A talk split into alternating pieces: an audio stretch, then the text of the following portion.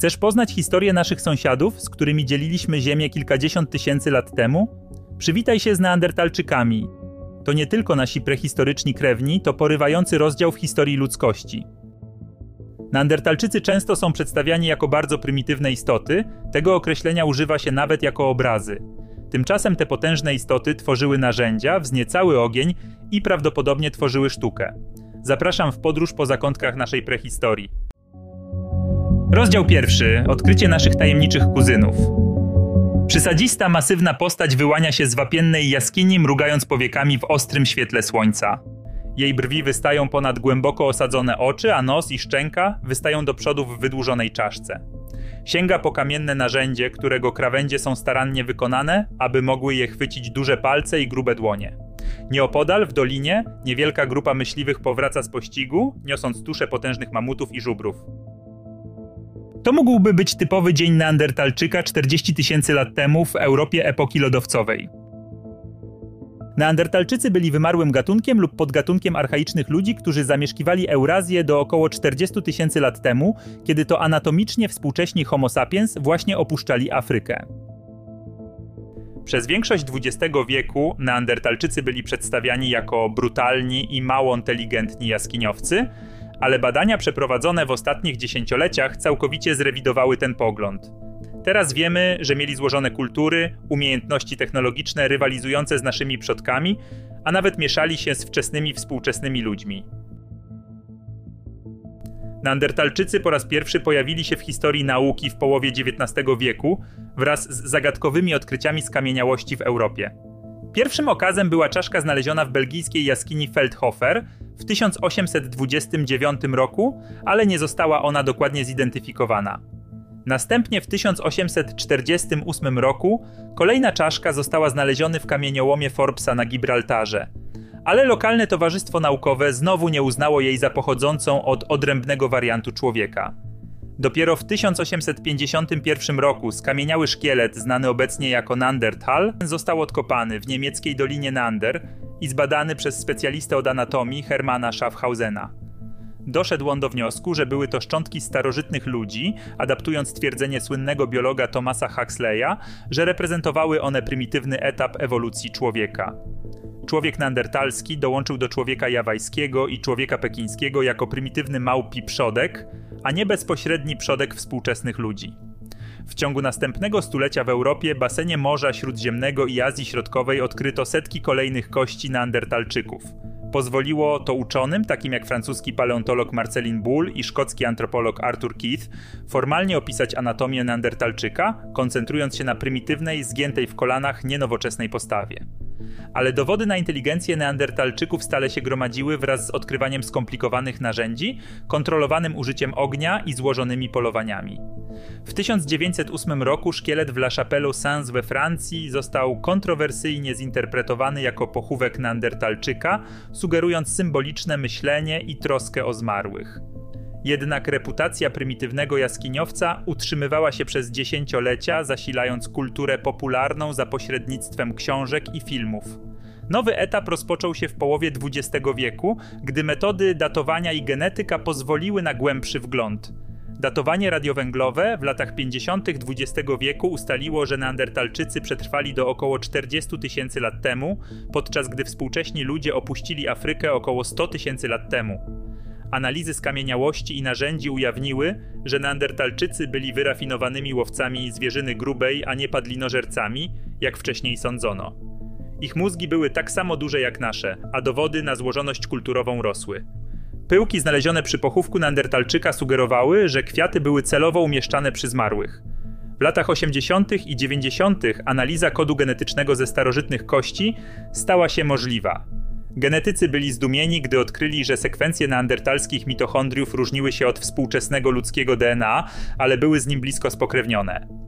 W międzyczasie bliższa inspekcja zapisów archeologicznych ujawniła, że mózg Neandertalczyka nie był tak prymitywny, z większą korą wzrokową i podobieństwami do współczesnych ludzi w kluczowych regionach płata czołowego. Ich krtań była umieszczona podobnie do naszej, co wskazuje na wspólne zdolności mowy. Badania stomatologiczne wykazały, że prawdopodobnie dorastali szybciej niż współcześni ludzie, ale nadal polegali na starszych, aby przekazywać umiejętności wytwarzania narzędzi z pokolenia na pokolenie. Przez około 200 tysięcy lat swojego istnienia w Eurazji Neandertalczycy stale rozszerzali swoje zestawy narzędzi kamiennych, używając rękojeści, pocisków i innowacyjnych technik, takich jak technika lewaluaska. To nazwa nadana przez archeologów charakterystycznemu rodzajowi obróbki kamienia, opracowanemu w okresie środkowego paleolitu. Metoda ta zapewnia znacznie większą kontrolę nad rozmiarem i kształtem narzędzia, które następnie było wykorzystywane jako skrobak lub nóż. Neandertalczycy żyli w małych grupach liczących średnio kilkunaście członków, przemieszczając się sezonowo między jaskiniami w obrębie danego terytorium. Ich populacja prawdopodobnie osiągnęła szczyt w cieplejszych okresach międzylodowcowych. W 2010 roku genom Neandertalczyka został ostatecznie zsekwencjonowany, otwierając wrota odkryć na temat naszego związku z tym tajemniczym gatunkiem. Analiza genetyczna dowiodła, że Neandertalczycy krzyżowali się ze współczesnymi ludźmi. Co ciekawe, neandertalskie DNA stanowi 1 do 4% genomu wszystkich żyjących obecnie ludzi spoza Afryki. Odziedziczyliśmy również pewne korzystne warianty genów neandertalskich, które zwiększyły naszą odporność, metabolizm i rozwój mózgu, gdy przystosowaliśmy się do chłodniejszego klimatu Eurazji. Jednak niewielki rozmiar populacji neandertalczyków doprowadził do chowu wsobnego, który uczynił ich podatnymi na wyginięcie po przybyciu współczesnych ludzi. Neandertalczycy znikają z europejskich zapisów w momencie pojawienia się bardziej nowoczesnej ludzkiej technologii, ale nadal trwa debata, czy zasymilowaliśmy ich, prześcignęliśmy, czy nawet brutalnie wyeliminowaliśmy. Po dziesięcioleciach odkryć dotyczących ich wyrafinowania, Neandertalczycy są obecnie uważani za inteligentny gatunek siostrzany lub podgatunek przystosowany do Europy i Azji epoki lodowcowej na setki tysięcy lat przed naszym przybyciem. Polowali na wymagającą zwierzynę grubą, tworzyli skomplikowane narzędzia, kontrolowali ogień, leczyli rany, mogli tworzyć sztukę i biżuterię, a także mieli kulturowe rytuały związane z pochówkiem zmarłych. Pod wieloma względami pozostają jednak ewolucyjną zagadką. Jak naprawdę wyglądał język Neandertalczyków? Co sprawiło, że wyginęli tak krótko po tym, jak napotkali ich współcześni ludzie? I co geny i cechy dziedziczne przekazane przez Neandertalczyków ujawniają na temat tego, jak staliśmy się jedynym ocalałym gatunkiem ludzkim? Rozdział drugi: Pochodzenie i anatomia. Neandertalczycy wywodzili się od wcześniejszych hominidów, które rozwinęły kluczowe adaptacje do przetrwania w surowym środowisku epoki lodowcowej. Ich solidna budowa ciała i zestaw narzędzi ewoluowały stopniowo przez tysiące pokoleń, ukształtowane przez potrzebę polowania na dużą zwierzynę i przetrwania brutalnych zim. Badanie anatomii neandertalczyków dostarcza wskazówek na temat ich historii życia jako gatunku, ujawniając w jaki sposób odróżniali się od innych homidinów i prosperowali w trudnych warunkach pleistoceńskiej Europy i Azji. Neandertalczycy prawdopodobnie pochodzą od człowieka heidelberskiego, wczesnego gatunku człowieka obecnego w Afryce, Europie i zachodniej Azji około 700 tysięcy lat temu. Człowiek heidelberski miał mocno zaznaczony łuk brwiowy i duży mózg o średniej objętości około 1200 cm3, niewiele mniejszy od współczesnych ludzi. Ludzie heidelberscy byli wyrafinowanymi twórcami narzędzi i pionierami migracji, rozprzestrzeniając się z Afryki na umiarkowane obszary Eurazji. Populacje, które zapuściły się na północ, zaczęły przystosowywać się do chłodniejszego klimatu, dając początek linii neandertalskiej. Droga od człowieka heidelberskiego do neandertalczyków jest niewyraźna, z kilkoma możliwymi formami pośrednimi. Gatunek znany jako Homo antecessor, znany z hiszpańskich stanowisk datowanych na ponad 800 tysięcy, może reprezentować wczesny etap, podczas gdy skamieniałości Cima de los Huesos w Hiszpanii sprzed około pół miliona lat wydają się przypominać późniejszych neandertalczyków. Kluczowymi zmianami były ekspansja mózgu i wzrost masy ciała w celu zachowania ciepła. Mózgi neandertalczyków urosły średnio do około 1500 cm3, pokrywając się z dolnym zakresem współczesnych ludzi. Ich krótki, gruby tułów i kończyny skutecznie magazynowały ciepło metaboliczne. Zmiany w szkielecie neandertalczyków były minimalne, co wskazuje na doskonałą długoterminową adaptację. Co najmniej 200 tysięcy temu wczesne formy neandertalczyka były obecne w całej Europie. Ważne okazy pochodzą z miejsc takich jak Swanscombe w Anglii i Steinheim w Niemczech. Przodkowie neandertalczyków wykazywali już charakterystyczne cechy czaszki. Pochyłe czoło, słabo wykształcony podbródek, wydłużoną czaszkę oraz masywne grzbiety nosa i brwi, które wspierały powiększone zatoki. Tylna część czaszki również wybrzuszała się wyraźnie. Brakowało im jednak pewnych późniejszych neandertalskich udoskonaleń, takich jak solidny szkielet. Etap od 130 tysięcy lat temu przyniósł klasycznych neandertalczyków ze szczątkami skupionymi we Francji, Niemczech, Hiszpanii, Włoszech i Chorwacji. Neandertalczycy byli potężnie zbudowani, aby przetrwać epokę lodowcową, co wskazuje na ich styl życia. Średni wzrost mężczyzn wynosił około 165 cm u mężczyzn i 154 u kobiet, z grubszymi i krótszymi kończynami niż u współczesnych ludzi. Byli niezwykle silni, z mięśniami zbudowanymi podczas polowań na ciężką zwierzynę. Ich klatki piersiowe były szersze, aby pomieścić duże płuca, wspomagając wytrzymałość. Miednice były szersze, aby rodzić niemowlęta o większych mózgach. Ciała neandertalczyków były grube i zwarte, zmniejszając odsłoniętą powierzchnię, jednocześnie gromadząc zapasy tłuszczu. Beczkowate klatki piersiowe mogły pomieścić ogromne ilości mroźnego pleistoceńskiego powietrza, które ogrzewało się przed dotarciem do wrażliwych płuc. Mimo całej swojej krzepkości, neandertalczycy zachowali precyzyjną zręczność rąk. Ich kciuki i palce były długie w stosunku do dłoni, a ich kości umożliwiały precyzyjne chwytanie. Powiększone łopatki i nadgarstki rozkładały naprężenia powstające podczas rzucania włóczniami. Stopy były niezwykle elastyczne, działając jak rakiety śnieżne w zimie, ale dostosowując się również do cieplejszych terenów. Budowa nóg neandertalczyków sugeruje również, że mogli oni szybko biegać na krótkich dystansach podczas szarży na zdobycz lub sprintu w celu przetrwania. Co napędzało ewolucję anatomiczną neandertalczyków. Środowisko Europy epoki lodowcowej wymagało niesamowitej tolerancji na zimno i umiejętności łowieckich. Zimy trwały dłużej, a lodowce pokrywały północne obszary. Masywni roślinożercy, tacy jak mamuty, żubry i jelenie, byli zarówno głównym źródłem pożywienia, jak i ekstremalnym zagrożeniem. Neandertalczycy wyewoluowali w idealne połączenie siły, szybkości i sprytu, aby pokonać wymagającą dużą zwierzynę. Neandertalskie głowy i mózgi z pewnością imponowały skalą. Ich czaszki były wydłużone, aby zmieścić mózgi, trochę większe niż u współczesnych ludzi ale dodatkowa materia mózgowa była inaczej rozmieszczona, co wskazuje na różne talenty i słabości poznawcze. Móżdżek kontrolujący zadania automatyczne był mniejszy, podczas gdy płaty potyliczne i ciemieniowe przetwarzające wzrok powiększyły się, podobnie jak przednie obszary planowania. Ta mieszanka rozbieżnych i zbieżnych cech wywołuje debatę na temat tego, czy ich poznanie było porównywalne czy gorsze od Homo sapiens. Jedną z możliwości jest to, że mózgi neandertalczyków były wyspecjalizowane do polowań eksperckich, wytwarzania narzędzi i umiejętności przetrwania w ich środowisku, kosztem mniej rozwiniętych zdolności rozumowania, które pojawiły się później u naszego gatunku. W ostatnich dziesięcioleciach naukowcy uzyskali również bezpośrednie dowody na zdolność neandertalczyków do mowy. Kanał kręgów piersiowych, przez który przechodzą nerwy, był tak szeroki jak u współczesnych ludzi, umożliwiając kontrolę oddechu w celu złożonej wokalizacji. Neandertalskie kości gnykowe wspierające język i krtań były niemal identyczne z naszymi. A podstawa ich czaszki i pozycja krtani sugerują, że mówili dobrze, choć z naszej perspektywy dziwnie z powodu wydłużonych jam nosowych. Zdolności językowe są trudne do oszacowania, ale prawdopodobnie posiadały one podstawową mowę komunikacyjną, wspierającą współpracę grupową podczas polowań i zadań. Zaglądając w biologię i ciała neandertalczyków, zyskujemy wgląd w ich świat. Przemierzanie zimnych lasów w poszukiwaniu zdobyczy pośród nosorożców włochatych i niedźwiedzi jaskiniowych, kulenie się wokół ognisk w ciemnych schronieniach – leczenie ran po zaciekłych spotkaniach z kudłatymi bestiami i gromadzenie się wokół towarzysza, który powrócił z mięsem, wskazuje na wysoki poziom rozwoju. Podczas gdy skąpy zapis materialny pozostawia wiele pytań bez odpowiedzi, ich anatomia odblokowuje wskazówki, w jaki sposób neandertalczycy sprostali wyzwaniom przetrwania w Europie epoki lodowcowej, pokolenie po pokoleniu.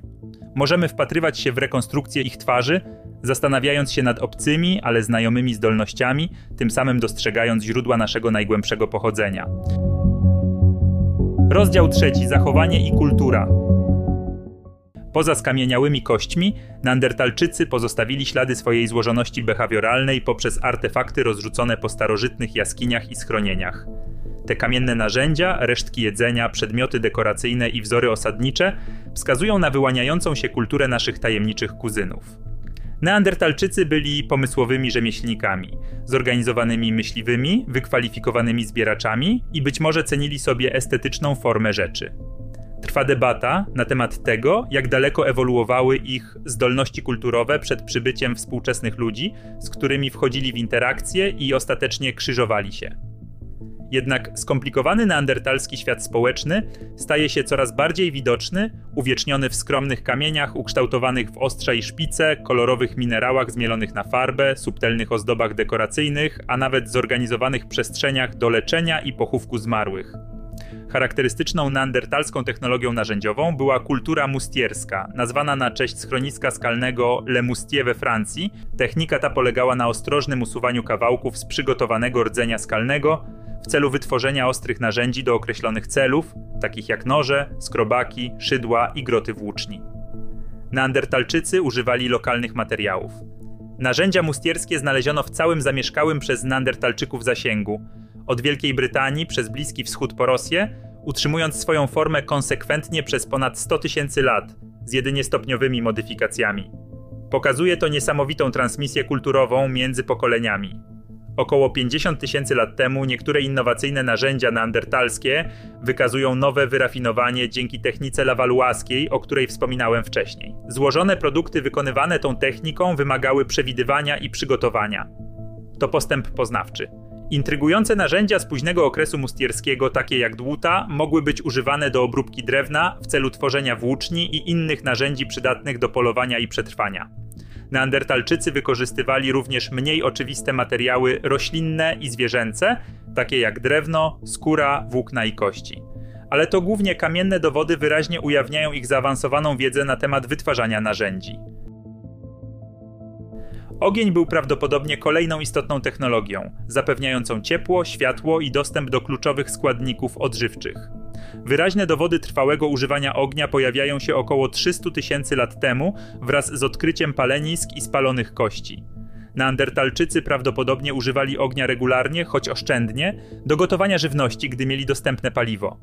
Analiza pozostałości wskazuje, że niektóre korzenie, orzechy i rośliny strączkowe były pieczone lub gotowane w diecie neandertalczyków. Kontrolowany ogień umożliwił przetrwanie w chłodniejszym klimacie, rozszerzając ich zasięg i umożliwiając nowe formy spotkań społecznych i wytwarzania narzędzi. Opanowanie ognia było prawdopodobnie przekazywane z pokolenia na pokolenie, cementując je w kulturze neandertalskiej. Oprócz polowania, neandertalczycy byli również zbieraczami wykorzystującymi różnorodne źródła pożywienia. Dowody archeologiczne wskazują, że spożywali szeroką gamę roślin, grzybów, skorupiaków i drobnej zwierzyny. Na stanowiskach we współczesnym Iraku pozostałości orzechów pistacjowych, winorośli, żołędzi i zbóż sugerują, że neandertalczycy planowali sezonowe powroty w celu zebrania dojrzewających plonów. Narzędzia z muszli mięczaków w przybrzeżnych Włoszech wskazują, że brodzili w płytkich wodach w poszukiwaniu wodnych źródeł pożywienia. Podczas gdy pozostałości szczątków ptaków w Chorwacji mogą odzwierciedlać polowanie również na mniejsze zwierzęta. Analiza płytki nazębnej wskazuje, że neandertalczycy leczyli się związkami takimi jak kora topoli, zawierająca aktywny składnik aspiryny. Dieta neandertalczyków prawdopodobnie zmieniała się w ich rozległym zasięgu terytorialnym w zależności od lokalnej ekologii. Co bardziej kontrowersyjne, neandertalczycy mogli wyrażać swoje życie psychiczne poprzez artystyczne i symboliczne artefakty, poprzedzające pojawienie się współczesnych ludzi. Pigmenty takie jak czarne tlenki manganu, czerwona ochra i biała kreda na licznych stanowiskach mogą wskazywać na malowanie ciała lub sztukę jaskiniową. Ostre narzędzia z zygzakowatymi wzorami lub nacięciami mogą również reprezentować abstrakcyjne grawerowanie. Wiele perforowanych zębów, muszli lub kości zwierzęcych to intrygujące możliwe wisiorki lub biżuteria. A pojedyncze porysowane lub pomalowane ściany jaskiń w Hiszpanii wskazują na neandertalskie malarstwo jaskiniowe, chociaż datowanie i autorstwo są kwestionowane. Wreszcie neandertalskie miejsca pochówku świadczą o trosce o zmarłych i koncepcjach życia pozagrobowego. Przodkowie współczesnych ludzi celowo grzebali swoich zmarłych co najmniej 300 tysięcy lat temu, a neandertalczycy prawdopodobnie odziedziczyli te tradycje. Szkielety, takie jak słynny starzec z La Chapelle aux Saints, znaleziono starannie pochowane w płytkich grobach wykopanych w podłodze jaskini, czasami z towarzyszącymi narzędziami lub kośćmi. Szkielet neandertalskiego dziecka na Krymie miał wyryte odłamki krzemienia w pobliżu głowy, co wskazuje na rytuał pochówku. Analiza pyłków otaczających szkielet sprzed 60 tysięcy w Iraku również wykazała ślady letnich kwiatów, być może ofiarę grobową. Podczas gdy trwa debata na temat tego, jak celowe lub symboliczne były ich praktyki pogrzebowe, wyraźnie mieli oni pewne pojęcie szacunku zmarłych członków grupy. Dzięki tym wskazówkom możemy śledzić zarys bogatej sfery behawioralnej Neandertalczyków, wypełnionej nie tylko umiejętnościami przetrwania, ale także przejawami kreatywności, pomysłowości i szacunku, pojawiającymi się na przestrzeni tysięcy lat tradycji kulturowej. Ich narzędzia, dieta, środowisko i organizacja społeczna odcisnęły piętno na krajobrazie, dając nam wgląd w paleolityczny styl życia. Neandertalczycy byli niezaprzeczalnie inteligentni, zdolni do adaptacji i związani z grupami krewnych przez pokolenia skumulowanych doświadczeń. Jak dowiemy się w następnym rozdziale, zdolności te prawdopodobnie ułatwiły wymianę kulturową, gdy ich terytoria zaczęły pokrywać się z wkraczającymi bandami naszych bezpośrednich przodków Homo sapiens. Rozdział czwarty: Interakcje ze współczesnymi ludźmi. Przez ponad 150 tysięcy lat Neandertalczycy dominowali w ludzkiej populacji Europy i zachodniej Azji. Ale około 45 tysięcy lat temu z Afryki przybył nowy konkurent homininów anatomicznie współczesny Homo sapiens, nasz bezpośredni przodek. Te początkowe spotkania między Neandertalczykami a współczesnymi ludźmi były doniosłymi wydarzeniami w prehistorii, kształtującymi przyszłą ewolucję naszego gatunku. Dowody archeologiczne ujawniają wymianę kulturową między tymi paleolitycznymi krewnymi, w tym krzyżowanie się. Trwają jednak dyskusje na temat tego, czy koegzystencja była pokojowa, czy brutalna i dlaczego Neandertalczycy wyginęli w ciągu kilku tysięcy lat od spotkania z ludźmi. Ich zniknięcie zbiega się w czasie z pojawieniem się Homo sapiens, ale rozwikłanie tej tajemnicy wymaga zbadania śladów interakcji na rozległym obszarze czasowym i geograficznym. Współcześni anatomicznie ludzie pojawili się co najmniej 300 tysięcy lat temu, ale rozszerzyli się oni poza kontynent znacznie później. Wybuchy ludzkiej migracji na Bliski Wschód miały miejsce między 130 a 80 tysięcy lat temu, sprowadzając naszych przodków do zachodniej Azji. Spotkania z Neandertalczykami na tym etapie były prawdopodobne. Jednak te wczesne wyprawy współczesnych ludzi nie powiodły się, a Neandertalczycy pozostali dominującymi mieszkańcami Eurazji aż do 40 tysięcy lat temu. Dopiero wtedy populacje Homo sapiens rozkwitły i przekształciły się w dużą falę migracyjną docierającą do Europy. Ten krytyczny okres od 45 do 40 tysięcy lat temu dostarcza pierwszych istotnych dowodów na krzyżowanie się i wymianę kulturową między Neandertalczykami a wkraczającymi grupami ludzkimi. W miejscach takich jak bułgarska jaskinia Bachokiro, najwcześniejsze europejskie skamieniałości Homo sapiens są datowane na ten okres, ściśle pokrywając się z kośćmi późnych Neandertalczyków. Pojawiają się również intrygujące przejściowe kompleksy archeologiczne łączące narzędzia neandertalczyków z bardziej zaawansowanymi technologiami ostrzy i kości charakterystycznymi ludziom bardziej anatomicznie współczesnym. We Francji i Hiszpanii archeolodzy znajdowali ostrza noży i wisiorki wykonane przy użyciu neandertalskich metod na typowo ludzkich materiałach, takich jak poroże. Sugeruje to mieszanie kultur i prawdopodobnie wspólną produkcję narzędzi, Najbardziej bezpośredni dowód na przepływ genów wynika z sekwencjonowania genomów neandertalczyków i współczesnych ludzi w 2010 roku. Analiza genetyczna ujawniła wspomniane przeze mnie wcześniej kilka procent neandertalskiego DNA we wszystkich żyjących populacjach poza Afryką. Określone segmenty są wspólne z neandertalczykami, które nigdy nie pojawiły się w analizowanych grupach subsaharyjskich, co wskazuje na dziedziczenie po spotkaniach euroazjatyckich. Pozytywna selekcja naturalna takich cech jak neandertalska skórę i geny odporności wskazuje również na korzyści adaptacyjne zapożyczone od neandertalczyków. Nasz gatunek do dziś posiada cenne pamiątki genetyczne ze spotkań z naszymi tajemniczymi kuzynami.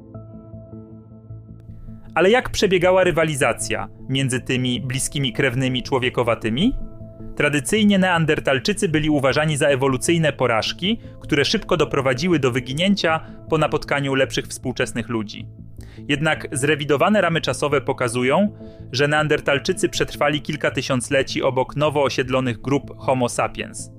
Niektórzy badacze proponują obecnie okres wzajemnego uczenia się i wymiany, zanim zmiany klimatyczne i epidemie chorób zdziesiątkowały kurczące się populacje Neandertalczyków. Istnieją również oznaki przemocy, takie jak neandertalska czaszka przebita pociskiem potencjalnie wskazującym na konflikt. Konkurencja prawdopodobnie przebiegała nierównomiernie w Europie i Azji. Zapis archeologiczny pozostaje złożony, ale wydaje się, że Neandertalczycy przekazali narzędzia, terytoria, geny i memy, które pomogły ludziom przetrwać w zmiennym środowisku epoki lodowcowej.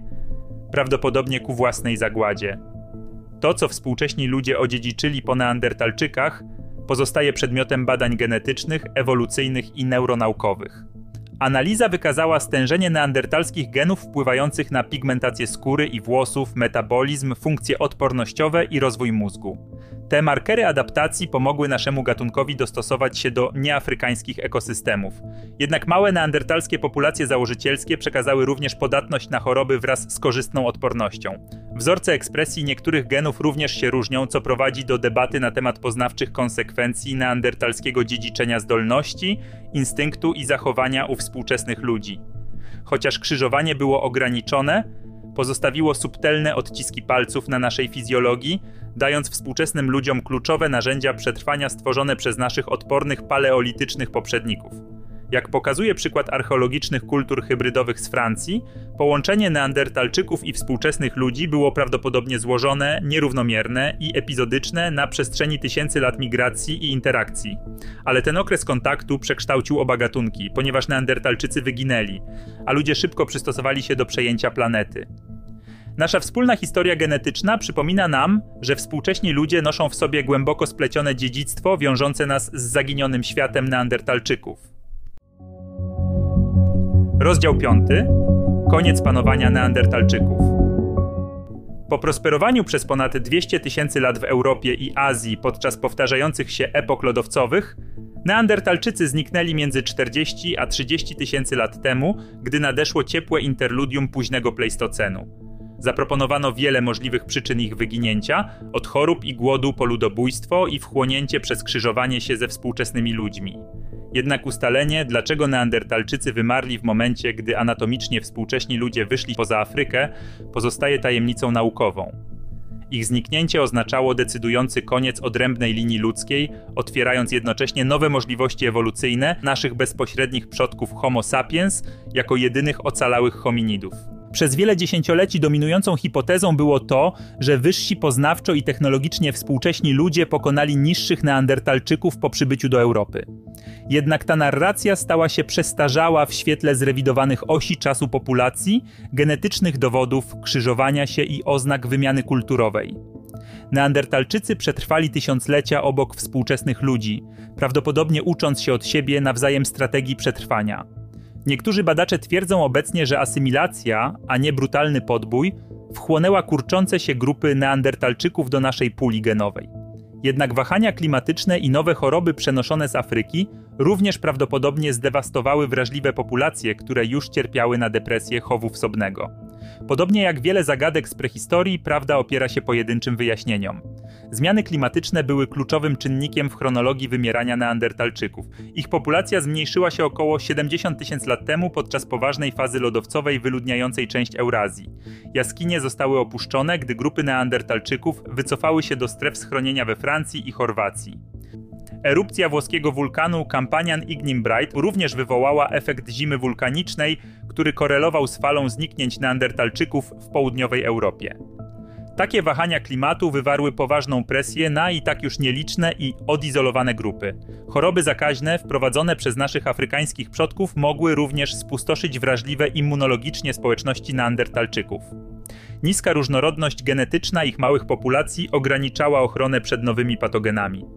Zakaźne dolegliwości, takie jak gruźlica, opryszczka, tasiemce i pasożyty żołądkowe, przepływały wzdłuż sieci handlowych między rywalizującymi grupami hominidów.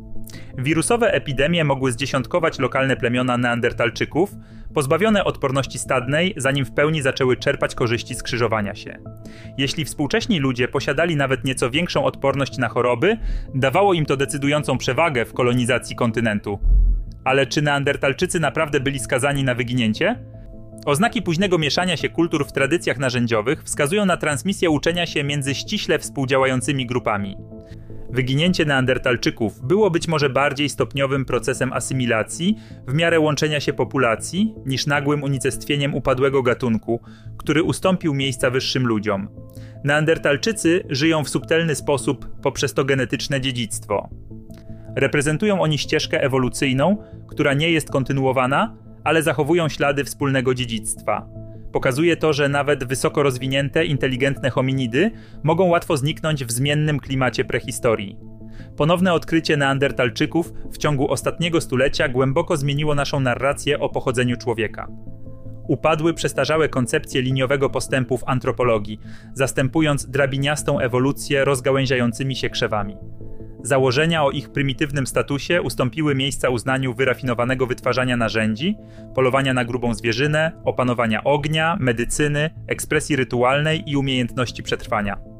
Te istoty pozostają jednak tajemnicze, z wieloma niejasnościami dotyczącymi ich poznania, języka i interakcji z Homo sapiens. W miarę pojawiania się nowych skamieniałości, takich jak szczątki z izraelskiej jaskini Zafaraja, naukowcy udoskonalają techniki wydobywania wskazówek z kości i rozproszonych artefaktów. Każde odkrycie oferuje wgląd w życie neandertalczyków, jednocześnie kwestionując uproszczone stereotypy. Epilog Płomienie ostatnich neandertalskich ognisk wygasły ponad 30 tysięcy lat temu, ale te tajemnicze istoty pozostają ikonami naszej prehistorycznej przeszłości. Wykuwali narzędzia, oswajali ogień, polowali na zwierzęta, zbierali rośliny, opiekowali się chorymi i rannymi. Grzebali zmarłych i prawdopodobnie malowali ściany jaskiń na wiele pokoleń przed przybyciem współczesnych ludzi do Europy. Neandertalczycy prosperowali przez setki tysiącleci podczas zmieniających się epok lodowcowych, wykazując się umiejętnościami technologicznymi, strategicznym polowaniem i odpornością kulturową. Ich historia ujawnia możliwości wykraczające poza przestarzałe brutalne stereotypy, podkreślone przez ostatnie spostrzeżenia na temat ich wyrafinowanego zachowania i interakcji z Homo sapiens. Jednak pomimo swoich sukcesów, Neandertalczycy stanowią również otrzeźwiającą lekcję na temat kruchości nawet dobrze przystosowanych gatunków ludzkich. Gdy planeta ociepliła się, a anatomicznie współcześni ludzie rozproszyli się z Afryki, Neandertalczycy trzymali się życia dzięki adaptacji kulturowej i biologicznej. Jednak równowaga ostatecznie przechyliła się na ich niekorzyść, gdy populacje zmniejszyły się z powodu kombinacji presji klimatycznej, nowych chorób zakaźnych, asymilacji i być może konkurencji ze strony naszych bezpośrednich przodków. Ich historia jest pokornym przypomnieniem, że ludzka egzystencja pozostaje warunkowa, podatna na nagłe punkty krytyczne ekosystemu lub napływ nowych populacji, na które nie mamy odporności. Ich zniknięcie podkreśla, jak szybkie może być wyginięcie nawet inteligentnych twórców narzędzi, którzy przetrwali setki tysiącleci. Dzięki za wysłuchanie tego odcinka. Jeżeli jesteście ciekawe historii innych gatunków człowiekowatych, to zagłosujcie w ankiecie pod tym odcinkiem. Zachęcam do subskrypcji mojego kanału, żeby nie przegapić kolejnych odcinków. A jeśli interesują Cię takie fascynujące historie naukowe, to zapraszam do kupienia mojej niedawno wydanej książki pod tytułem 111 faktów, które zniszczą Twoje wyobrażenie o świecie. Do usłyszenia.